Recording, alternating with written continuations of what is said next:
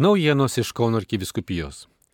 Šį trečiadienį, rugsėjo 21-ąją, įkvėpimo naujiems katechezės metams sėmėsi katechetai iš visų Kauno arkiviskupijos parapijų. Juos sveikinęs arkiviskupas Kesutis Kievalas kvietė puoselėti savo tarnystėje tris aspektus - tai ištikimybė maldai, nuolanki širdis ir neformalios aplinkos kūrimas, siekiant jaunimui perduoti šeimos ir bendrystės patirtį. Arkiviskupijos jaunimo centro, dekanatų ir parapijų jaunimo silovados koordinatorė Monika Žideliūnaitė drąsino katechetus svajoti apie netikėtą pirmąjį katechezę susitikimą su jaunuoliais, kurie ateina į parapijas renktis sutvirtinimui. Vaikų katechezės patirtimi pasidalijo sesuo Benediktinė Emanuelė Urbonaitė, o Kauno Švento Juozapo arba Vilijampolės parapijos katechezės komandos atstovai kunigas Liutauras Vileniškis, Elona Saltonienė bei Mindaugas Kapočius paliudijo, kaip suaugusiuosius palydė į gyvą susitikimą su Kristumi, dovanodami gyvos parapijos bendruomenės patirtį. Vakare parapijų katechetai ir kyviskupo kvietimu šventė Euharistiją Kauno arkikatedroje bazilikoje.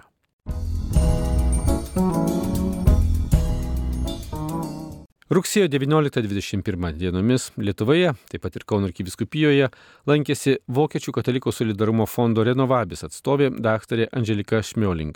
Po keliarių metų pandemijos atskirties atvykusi dr. Angelika Kaune aplankė katalikų teologijos fakultetą, susitiko su serimis pranciškonėmis bei eucharistietėmis, taip pat ir su Lietuvos karito bei šeimos centro vadovais, jezuitų programos magis ir bažnyčios kronikos fondo atsakingaisiais asmenimis kaip ir lankantis kiekvienoje viskupijoje, draugės su Kauno arkivyskupu Kestučiu Kėvalu buvo aptarta padėtis mūsų diecezijoje, sinodinio kelio situacija. Susitikime su kurijos Silovados skyriaus vadovė Vaidas Pengeliučiūtė Kneižienė buvo aptarta ir pavasarį vykusi Renovabis organizuota kampanija Fuldoje Vokietijoje.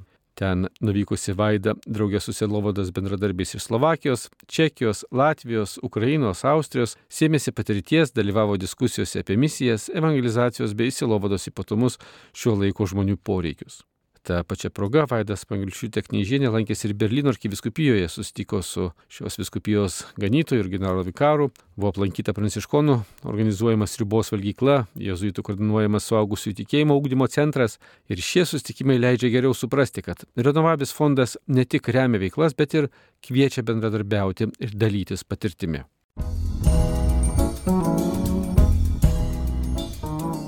Rugsėjo 26 - tai Dievo tarnaitės Adelis Dirsytės kankinystės diena. 1955 metais rugsėjo 26, taigi prieš 67 metus, ji mirė Khabarovsko krašte, kalėjimo ligoninėje, kur buvo palaužta fiziškai ir dvasiškai, visiškai besibaigiant bausmės atlikimo laikui.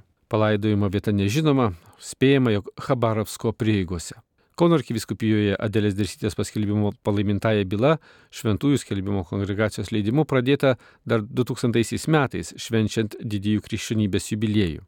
Dievo tarnaitė Adelė Dirsytė buvo katalikė pasaulietė, ateitininkė, mokytoja. Apkaltinta antisovietinė veikla 1946 metais buvo nuteista 10 metų kalėjimo ir 5 metus tremties. Būdama tremtyje stiprino kitų kalinių dvasę, mokė jas melstis, neprarasti vilties ir tikėjimo. Adelė Dirsytė yra garsiosios tremtinių maldaknygės Marija gelbėk mus autorė. Ši maldaknygė, jos vienintelis egzempliorius, per stebuklą pasiekė Junktinės Amerikos valstijas. 1959 metais ji buvo įspausinta Potname ir pasklido po pasaulį. Po to išleista 14 pasaulio kalbų. Tai didžiausių tiražų pasaulyje pasklidusi lietuviška knyga apie patiriamas malonės Dievo tarnaičio dalis dirsytės ir Elenos Pragyvičiūtės užtarimu kviečiame paliudyti raštu ar žodžiu Kauno arkiviskupijos kūrijai bei melstį jų paskelbimo palaimintosiomis. Spalio 7-9 dienomis Šilovos piligrimų centras ir broliai Dominikonai kviečia patirti, kas yra gyvoji piligrimystė.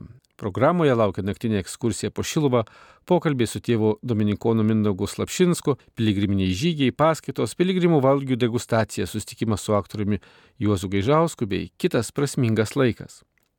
Šiandien bėgančių svajonių pasaulyje, kur flirtuojama tiek su beprasmybė, tiek ir su baime, prasmės bei tikrumo paieškos esti prabangi būtinybė.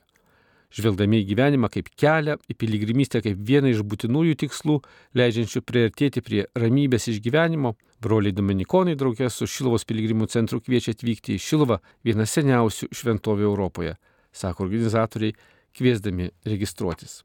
Marijos radijai iš Kauno Darius Chmeliauskas.